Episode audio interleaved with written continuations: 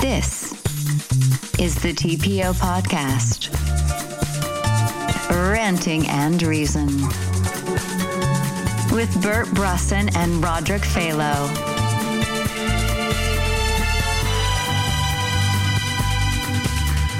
All options are on the table. Struikelt het kabinet over de valreep? Een staartje Jesse? Is links verward, depressief of allebei? Ja, want dat, dat merk je gewoon heel erg. Dat het gewoon energie slurpt. Hoe, hoe linkse mensen nu bezig zijn. Juist. En verder, een CNN-presentator die drie jaar geleden al klaar was met het racisme, maar door moest. Zeker nog drie jaar. En je hoort acteur Morgan Freeman. Het is dinsdagmiddag, TPO podcast nummer 30. Ja. Goed Bert, Ehm, we zitten met het raam open. Af en toe horen we een hond. Hè, vind ik heel landelijk. Landelijk hè, midden in de landelijke stad. contraien van de binnenstad Amsterdam. Tussen de koorballen. Ze zijn nu nog rustig. Ja, ze zijn heel druk al geweest. Hier op de hoek Ze hebben Ik een zag net koorhuis. al, eh, Meisjes en jongens. Meisjes aan eh, een ontgroeningsclubje eh, meisjes. Ja, maar dat heb je allemaal gemist joh. Dat, Kei dat, schattig. dat is allemaal al weken aan de gang hier. We hebben nog nieuws over de, over de kabinetscrisis, of nog niet? En is er al een kernoorlog Nou, uitgebroken? Dat zijn even twee zaken die we in de gaten moeten houden in deze podcast. Wist je dat eh, als de kabinetcrisis doorgaat, dan zitten we straks met alleen de VVD? Want ik dacht van, hoe- wat, wat gebeurt er dan als er nu nog een crisis is? Want het is al demotionair. Maar dan stapt de PvdA dus op. Dus dan gaan alle eh, PvdA-bewindslieden gaan er ook uit. En dan blijf je met alleen VVD. Dus als er nu de kabinetcrisis doorzet, zitten we straks met een eh eenpartijstaat. Dat hebben we nog nooit Een gehad. VVD-dictatuur. Ja. Integer wordt het niet. Leuk? ja, geweldig vooruitzicht. Goed, we beginnen even met een aantal aardige reacties. Bert, dit vond ik wel de mooiste van Jeffrey. Kijk even. Mag jij voorlezen? In stijl naar de TPO-podcast met Bert Brussen en Roderick Velo luisteren op Koh Samui. Ik mag natuurlijk niet achterblijven. Er zit een eh, plaatje bij van een tropisch strand. Ik, vond, ik, vond, ik heb hem niet voor niks geliked. Ik vond het hartstikke leuk. Want eh, dat is een, toch, toch een mooi idee dat mensen op Koh Samui ergens ver weg aan de andere kant van de wereld op Thailand vakantie hun eh, moeite doen om onze podcast te, Terecht. te downloaden en te luisteren. ik bedoel, Wat bedoel je? je kan niet zonder. Nee, we hebben nog een aantal andere. Ah, Sander Brand. Ja, eindelijk. Ik zat er vanaf 12 uur naast op refresh te drukken. Nu snel luisteren. Stereo op 10 zet. Klaas Boltjes. Weer een topcast en sterke analyses. Clemens Palstra. Nice. Dit moet vaker dan wekelijks. Wachten duurt te lang. Ja, dat roep ik al jaren. Maar Roderick Velo heeft maar één keer per week tijd. En die we ook kunnen wandelen, snowboarden en fietsen. En werken. En, Geld oh, verdienen. oh ja, werken. Moet er ook nog. Goed, hartelijk dank voor eh, de reacties. Als je wil reageren, dat kan via de Twitter-kanalen en vooral via eh, onze Facebook-pagina. TPO Podcast.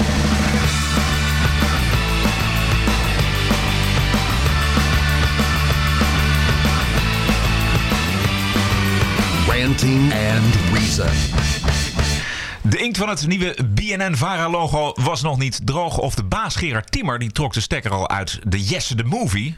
Timmer die zei zondag op Radio 1 dat alle voorwaarden bij hem bekend waren op één na. Maar op één punt zou je kunnen zeggen dat het eh, wat ingewikkelder wordt. Eh, namelijk op het moment dat de persoon die die het materiaal heeft gedraaid...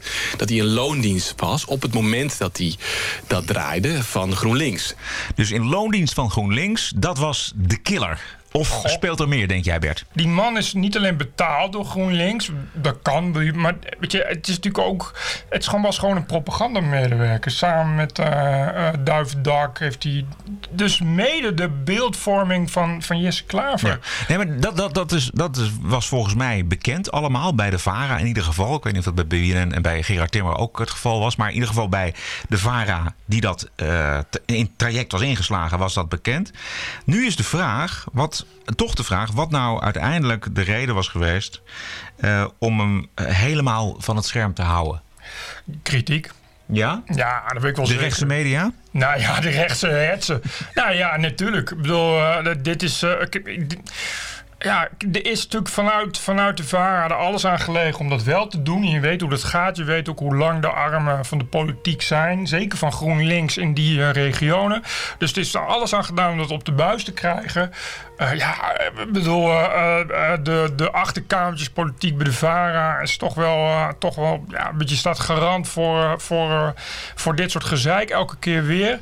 Ja, en die kritiek is natuurlijk veel, veel harder binnengekomen dan dat ze dachten. Want het was ook nog een beetje staartje vakantie, dus je kan het ook wel doorduwen. Bovendien, wie zit er nou niet te wachten op eh, die SIA's? Ja, nou natuurlijk is dat, natuurlijk is dat, eh, is dat de rechtse kritiek geweest. Ik heb ook, eh, eh, dat las ik op geen stijl, daar had ook iemand had gemaild naar BNN-VARA. En die zei, ja, ik wil niet dat, dat jullie dit soort propaganda maken met mijn subsidie. Ik ben BNN-lid en nu ben ik ineens BNN-VARA-lid en weet ik veel wat. En toen heeft dat persmeisje van BNN, die zei ook van, ja, we zijn niet doof voor de geluiden van onze achterban, band, dus we zijn ermee bezig. En pas later zei Gerard Timmer, nee, het heeft echt niks te maken met kritiek. Terwijl ze hebben van tevoren al gezegd, nee ja, we luisteren wel naar wat er gezegd wordt. Tuurlijk gaat het dus om kritiek. Tuurlijk zijn ze er bang bij. Het is ook een heel ongelukkige constructie geworden hè, met BNN-VARA. Ja, ja, het is precies. ineens is ook dat merk doorgevoerd. Ja, afgelopen zondag was Gerard Timmer, eh, de voorzitter van BNN-VARA, dus eventjes bij eh, op de Radio 1 te horen. Dat hebben we net ook een stukje van gehoord. En daarin werd ook wel min of meer gesuggereerd van ja, het zijn natuurlijk twee bloedgroepen die eh, onder druk van de politiek bij elkaar gebracht zijn. En het is maar helemaal Ja. de vraag of dat oké, of dat goed gaat. En Timmer zei in die uitzending ook dat er nou een behoorlijk stevig gesprek was gevoerd over het al dan niet aflasten van, van deze documentaire Jesse. En dat betekent dat hij dus over hij, want hij komt van BNN, overhoop ligt met ja, de oude kliek bij de VARA. Ja. Die dolgraag wilde dat die, dat die documentaire werd Dat uitgezonden. is al heel lang bekend. Ook echt het bloed kleeft aan de muren. En er wordt nu, is er ineens, is, is vorige week eh, gelanceerd dat het echt nu één merk was. En daar zat een heel, ook, ook weer een heel stukje keurig propaganda bij. Dat echt fantastisch samenwerken was. En dat we echt op professionaliteit elkaar konden vinden. Maar iedereen die zijn oor de afgelopen tijd een beetje te luisteren heeft gelegd, weet dat dat niet zo is. Ik weet as a matter of fact ook dat Gerard Timmer echt uh, uh, uh, uh, Joop.nl dat op het bot haat. En dat kan ik me heel goed voorstellen. Ik, dat is, is een merk waar je dan, waar je dan als, als omroep totaal niet op zit te ja, wachten. ja, en wel mee op zit gescheept. Ja, exact. Ja, ja. Sowieso, je zal met Francisco Violis het opgeschreven. Maar nog eventjes eh, eh, naar de belastingbetaler, eh, want die heeft daaraan meebetaald als het goed is. Ja, precies. Ehm, is het nou niet jammer dat we de film niet te zien krijgen?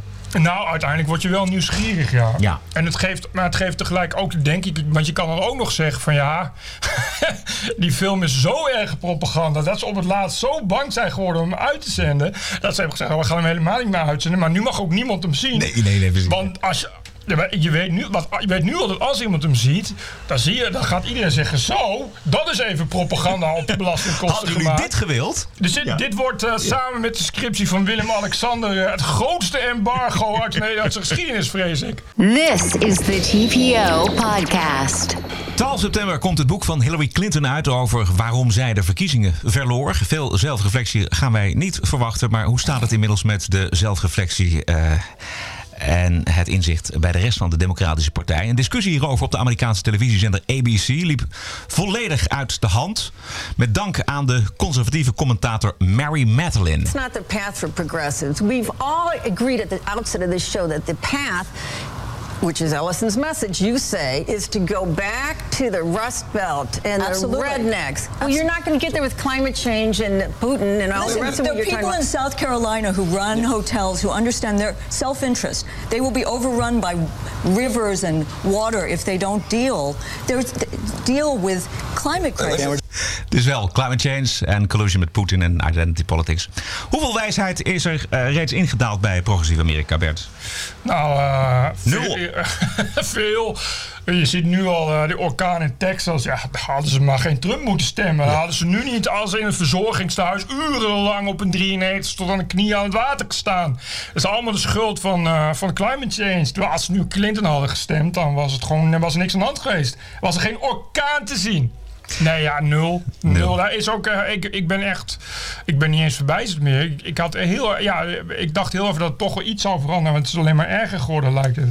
Ook aan tafel zit de zwarte commentator van CNN, Van Jones. En Mary Madeline probeert het bij hem nog één keer. Tell the kids. What I would tell your kids, I'm a black man in America who went to Yale, who's written books, who served a And I'm, a, president, now and, I'm a ninth generation American, ma'am, and I'm the first one in my family born with all my rights. I'm a ninth generation American. And so we have not escaped because I went to Yale You should all not the be a problems of this racial country. polemicist. You should be a racial that- that- you should be ashamed of yourself to, to say that to me to my face. I've spent more time Would in I this say it country. behind your trying- back would be Uh, listen, better? no, Zullen we even luisteren naar het antwoord van Van Jones? Ja. well, hold on a second. I've spent more time than you have trying to be a racial reconciler in this country. Really? How do you know that? Do you know well, anything hold about on me? a. Do you know Van Jones is a anything healer. about me? Uh, well, do you, you apparently don't know anything about me. And Yes, I, I'm, I I'm, do I'm know. Your daddy, you your say this. grandparents were I'm sho- teachers. Your dad, your This is the grandfather problem was that we a have, George. bishop. George, this is the problem that, that we have right now. It is in fact the case that there was a populist revolt in this country, both Sanders and Trump. But one of them was marbled through with this alt-right stuff. If someone like myself, who is married to a white woman, who has spent my entire life building bridges, can't point out the alt-right white lash reaction without being accused of being a racial polemicist, we're going to have a big problem. And I would country. think, have you, no, problem. have you no sense of decency to say that Okay, a guys, man you know what? a healer? Dat zegt dan die andere vrouw. Throughout Ja, the precies. torture, t- horrific, brutal campaign, he has spoken sanity to power. And to those who would Okay, defame my and debase deepest him. apologies. Oh, wat zijn de tenen lang nog bij die democraten. Progressieven die, eh, die zelfreflectie hebben, dat is eh it's hard to find, denk ik. Ik bedoel, ik ben het ook nog niet tegengekomen. Het wordt alleen maar erger. Ik denk ook eh, steeds vaker van ja, volgens mij is het, wordt het beter als we gewoon ophouden met commentaar leveren. Als we gewoon helemaal niks meer zeggen. Want ik heb echt het idee dat veel progressieven zijn een soort, zijn een soort stalkers. Elke keer als je wat tegen zegt, lever je weer opnieuw brandstof voor ze om nog achterlijker en lachwekkender te doen. Dus ik denk wel eens, we moeten gewoon met z'n allen, of met z'n allen, dat eh, kleine gedeelte van, eh, van niet-progressieve journalisten en commentatoren die er in Nederland zijn, Ja. gewoon een maand helemaal niks meer zeggen. Gewoon niet meer reageren. Gewoon, gewoon helemaal niks. TPO Podcast. En hoe staat het met het geestelijk welbevinden van progressief Nederland? Waar kan je dat antwoord beter krijgen dan bij de podcastcollega's van de correspondent Jesse Frederik en Rutger Brechtman? Volgens mij wat je kan doen, is je kan een groot visioen bieden van een totaal andere samenleving. En laat dat gerust filosofisch en abstract zijn. En je mag er Tocqueville bij citeren, Ja. als je dat wil. Ja. Eh, maar heb vervolgens ook een idee over wat je morgen wil gaan doen. Ja, ja, ja, ja precies. Wat voor experiment je dan wil gaan doen. Of als je een klein beetje macht hebt, welke clausule in welke wet je zou willen veranderen. En vier alle kleine overwinningen die je boekt. Want dat Ja. is ook goed voor een beweging volgens mij. Dat mensen zien van, hé, hey, we moeten nog een hele weg afleggen.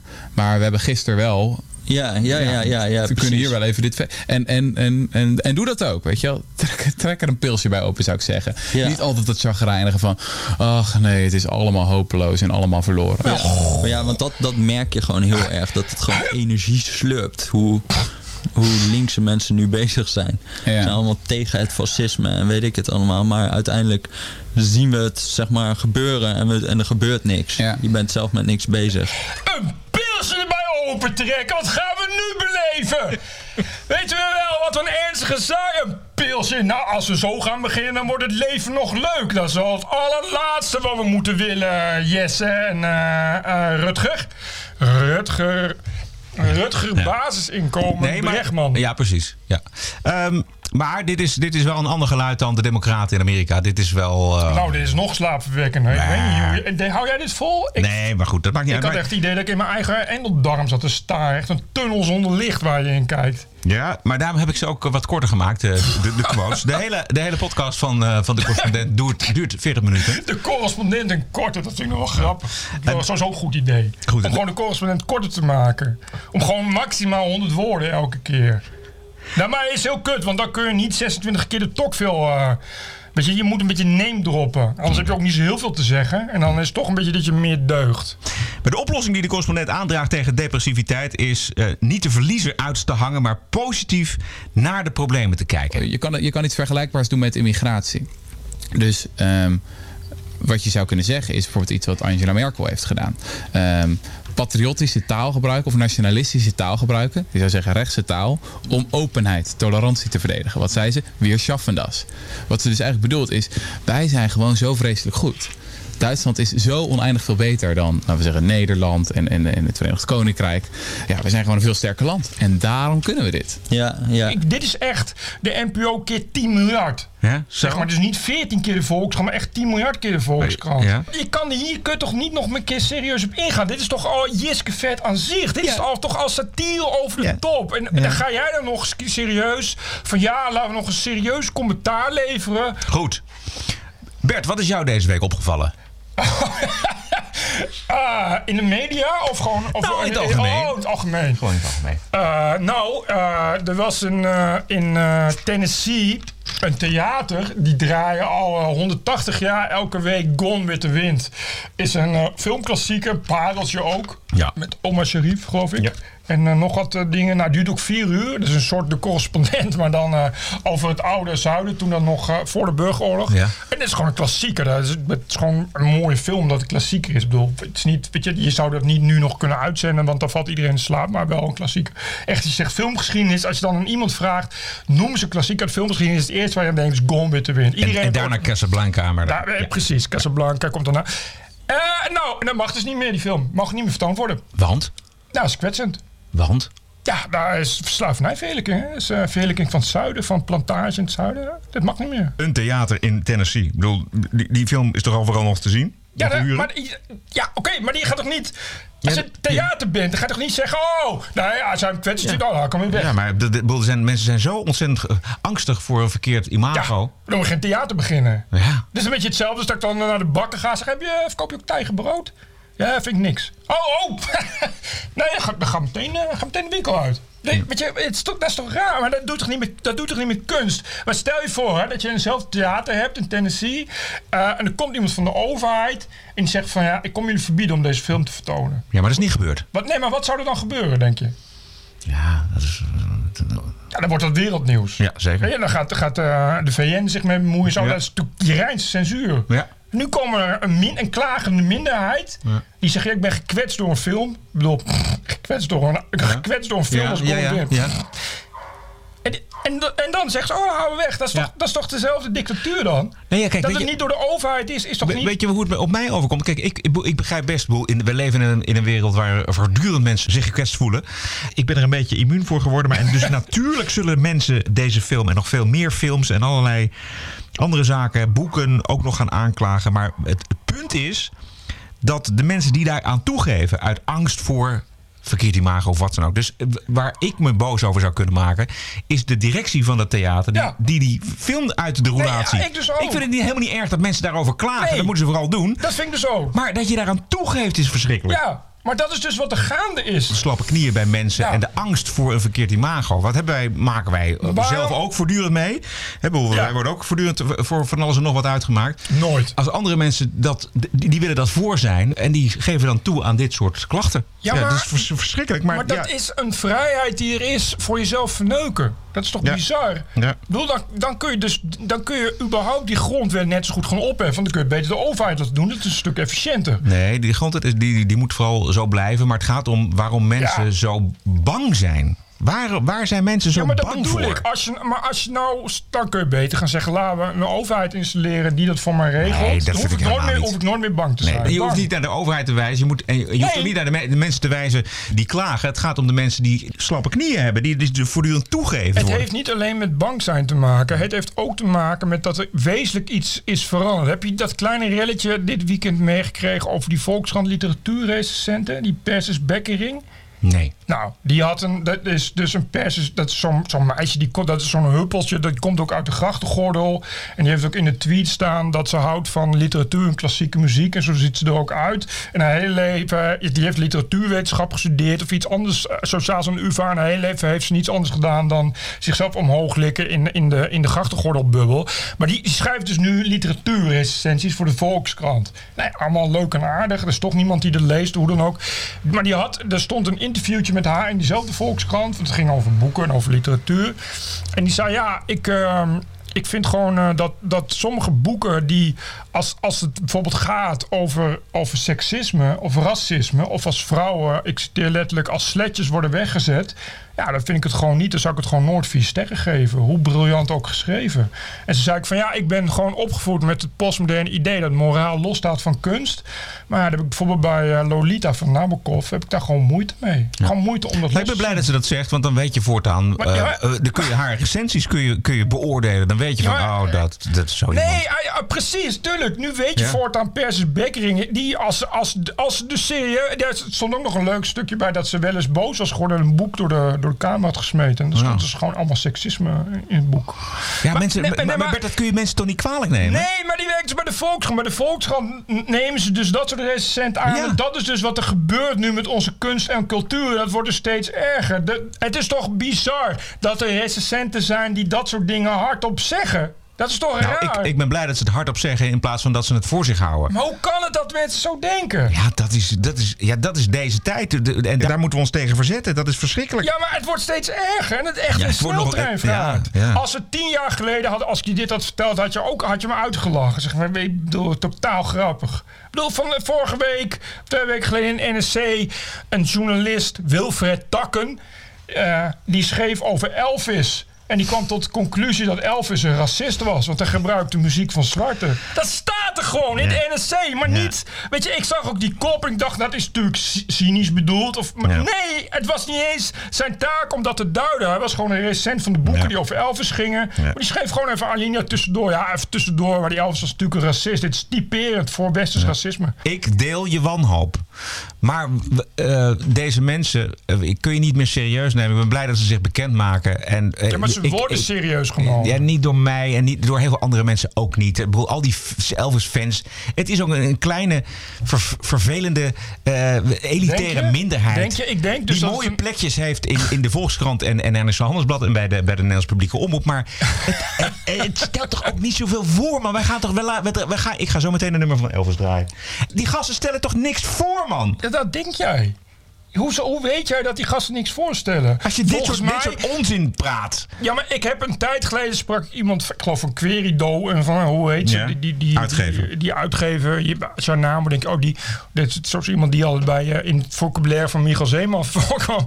Goed, maar nee, maar ik, ik vroeg aan die vrouw van, ja, weet je, eh, hoeveel impact hebben die recensies nog? Toen zei ze gewoon, ja, heel veel. Het is echt, het is echt het is wezenlijk, van wezenlijk belang hoe je boek wordt geschreven Oké. in NSC of Volkskrant. Nu is, nu is de, de vraag, dus als zo'n eh, knaap van de Volkskrant of NRC Handelsblad roept dat de muziek van Elvis racistisch was. Hoeveel dat scheelt in het beluisteren hè, wereldwijd van, het- van, van, van Elvis Presley? Nee, bij Elvis niet. Maar No fucking way. Nee, maar oké, dat is. Maar goed, maar de- omdat. Elvis is een beetje passé inmiddels, dus dat maakt niet zoveel meer uit. Niet, eh, waarschuwt voor de laatste maal. ja, ja, precies. Nee, nee, ja, ja. En hetzelfde gaat voor die boeken ook. Weet je, wat, daar ga je nee, toch- maar daar ga je toch niet op dus- af? Nou, dat, dat zegt dus die, die persoon van die uitgeverij. Zegt, ja, dat is wel de keurige mensen die dus, die dus literatuur lezen, die ervan houden, en die zich die daarmee bezighouden, die eh, gaan daarop af. Die durven niet, die, dat boek niet meer te Nee, bestellen. maar die, ja, ja, maar, ja, die, maar die lezen in de Volkskrant van ja, het is gewoon, het is gewoon een, een leuk boek, maar drie sterren, want seksistisch als een neten. Ik ga Celine weer herlezen. Ja, nou, ah, dat is een antisemiet en een seksist ook. En echt heel negatief. Dat zou als eh, Jesse en Jesse hiervan horen, die zouden hem echt alsnog tegen de muur zetten. Karel van Treven, Karel. Willem-Frederik Hermans, Karel. Gerard Treven. Nee, ja, maar, nee, maar dat. Ik had eh, Zendgraaf, die had eh, zo waar een heel goed stuk geschreven op, op geen, Geen stijl. stijl, ja. Die schrijft vaker lange stukken, we zijn niet altijd even goed. Maar deze was wel briljant. Die gaf inderdaad precies aan wat het probleem was. Juist, juist dat soort schrijvers hè, als Celine en, en Nabokov en, en you name it. Dit is een hele die inderdaad eh eh, seksistisch en racistisch en, en natuurlijk misogyn en, en, en weet ik wat, alles haat. Het Wolkers. verschrikkelijk. Ja. Weet je, het, schrij- dat, het schrijven gaat over leed. Dat is precies de reden waarom, als het schuurt, waarom dat dus interessante literatuur is. En waarom je daar dus iets van kan leren, omdat je er over gaat denken. En, maar zo'n recensente zegt dus van ja, ik wil niet gestoord worden in mijn bubbel. Maar die gaat dus vervolgens literatuur worden om vervolgens te zeggen ja, ik wil niet. Die wil dus alleen maar lezen dat dus in een literatuur dingen worden geschreven die zij zelf al vindt. Ja. Wat is dan nog het fucking nut van literatuur? Maar die mensen worden dus literatuurrecensent. Hoe kan dat? Ja. Kunst die zich houdt aan morele normen en waarden, dat is saaie kunst, dat zijn saaie boeken, dat zijn vreselijke films. Daar is echt helemaal niets aan. Dat, Ja, is, welkom dat, is, de, in dat, is, Nederland. dat is de correspondent maal tien. Die kunst is dat. Correspondent als kunst, het Stedelijk Museum.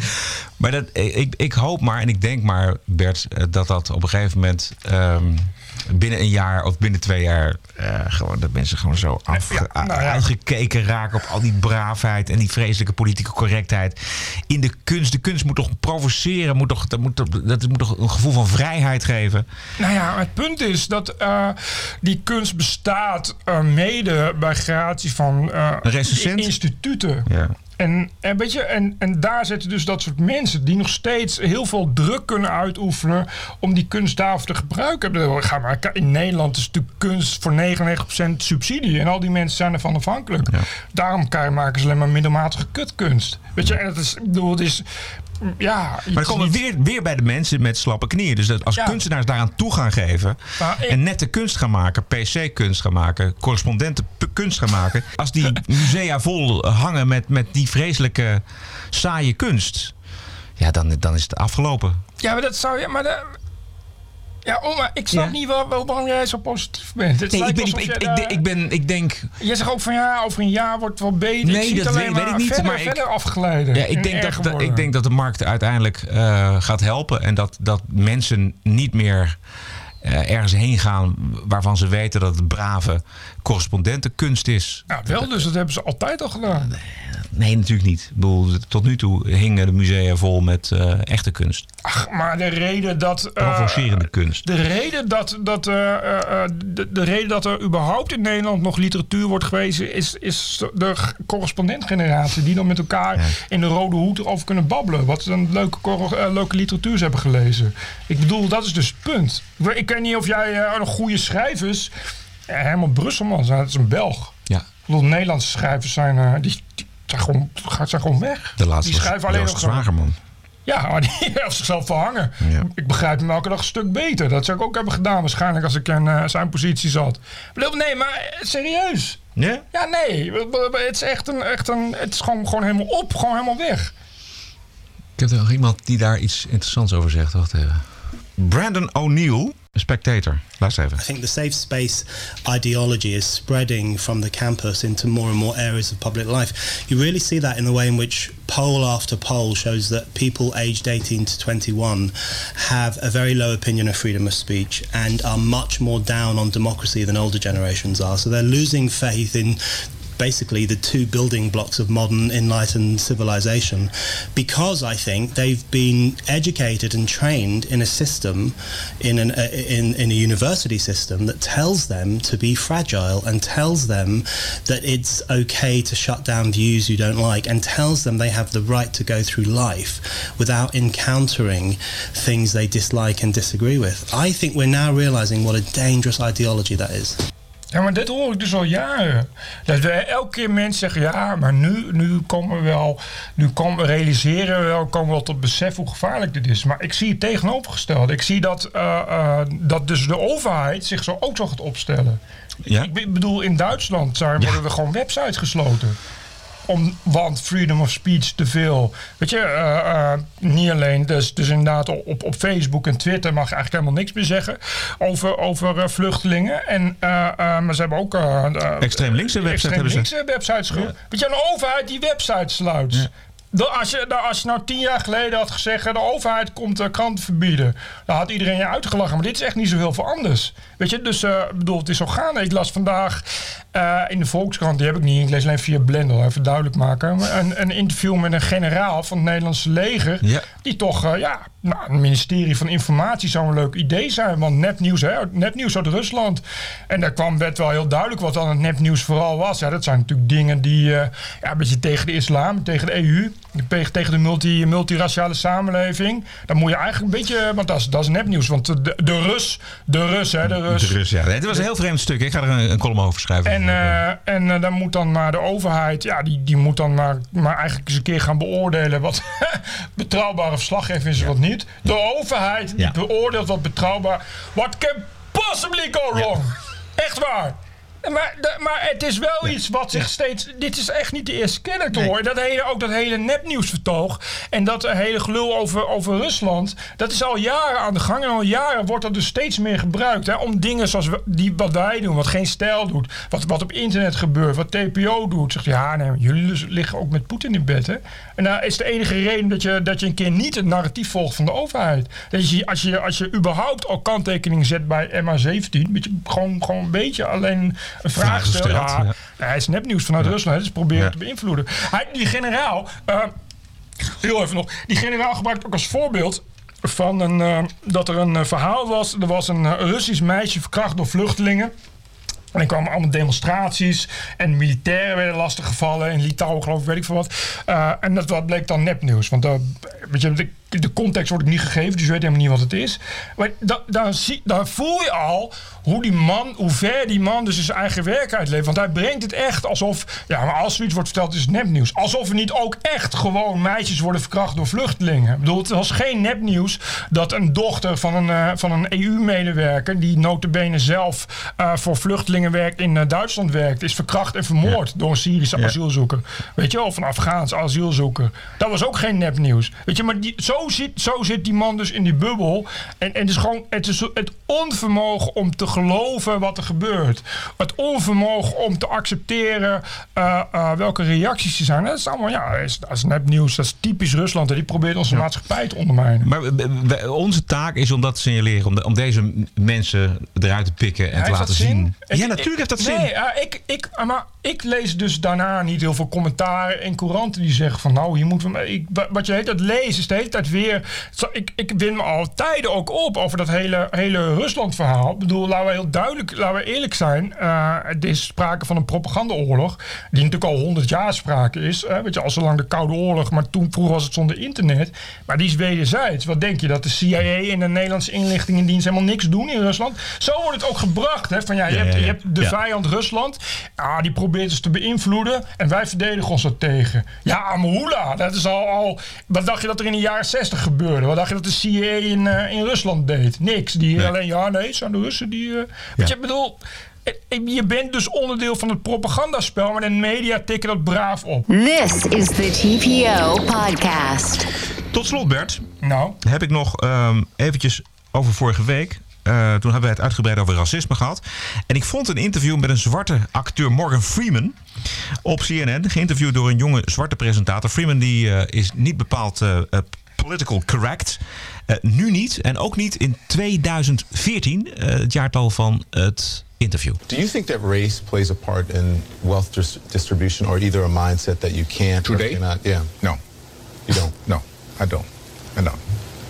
You and I, we're proof. Why would race have anything to do with it? Stick your, put your mind to what you want to do and go for that. Uh, it's kind of like religion to me. It's a good excuse for not getting there. Ja, hij heeft een punt natuurlijk. Ja. Want je bent dus acteur. En je maakt gewoon hele geweldige dingen. Maar elke keer is vraag drie... Laten we het zo over je huidskleur Het is een vraag die, die bij CNN voortdurend ook in 2014 al voorkwam. Identity politics in, in full swing.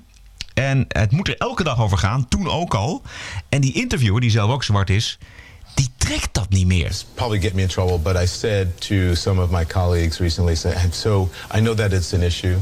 But I've been, it seems like every single day on television I'm talking about race, and it's because of the news cycle, it's in the news. But I'm so, sometimes I get so tired of talking about it. I want to I want to just go, this is over. Can we move on? And, and if you talk about it, it exists. Right. Yeah. It's not like it exists and we refuse to talk about it. But making it a bigger issue than it needs to be is the problem we have. Exact. hoe meer je erover praat, hoe meer het bestaat. Maar ik kan me daar wel- wel voorstellen dat je, ook, dat je dan op als zwarte ook op een gegeven moment gaat denken... ik zou bijna hopen dat ik een keer op een dag blank ben, want dan hoef ik niet meer elke keer daar weer, weet je. Maar ja, dit is toch, het is eigenlijk ook heel raar. Dat is toch hetzelfde als dat, dat dan, als jij, elk, als jij wordt geïnterviewd, dat ze dan altijd wel even vragen, als, als dat je kaal bent, is dat, Ja, eh, is, ja. dat- is dat anders dan? Ja, goed. Dit was de TPO-podcast nummer 30. We zijn er elke week, elke dinsdagmiddag via iTunes, Soundcloud, YouTube en de TPO-website niet te vergeten.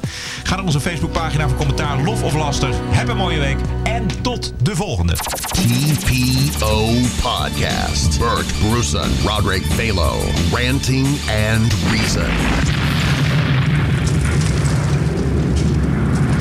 I don't believe anyone doubts the American people's values or the commitment of the American government or the government's agencies to advancing those values and defending those values. And, and the president's values? And the president speaks for himself, Chris.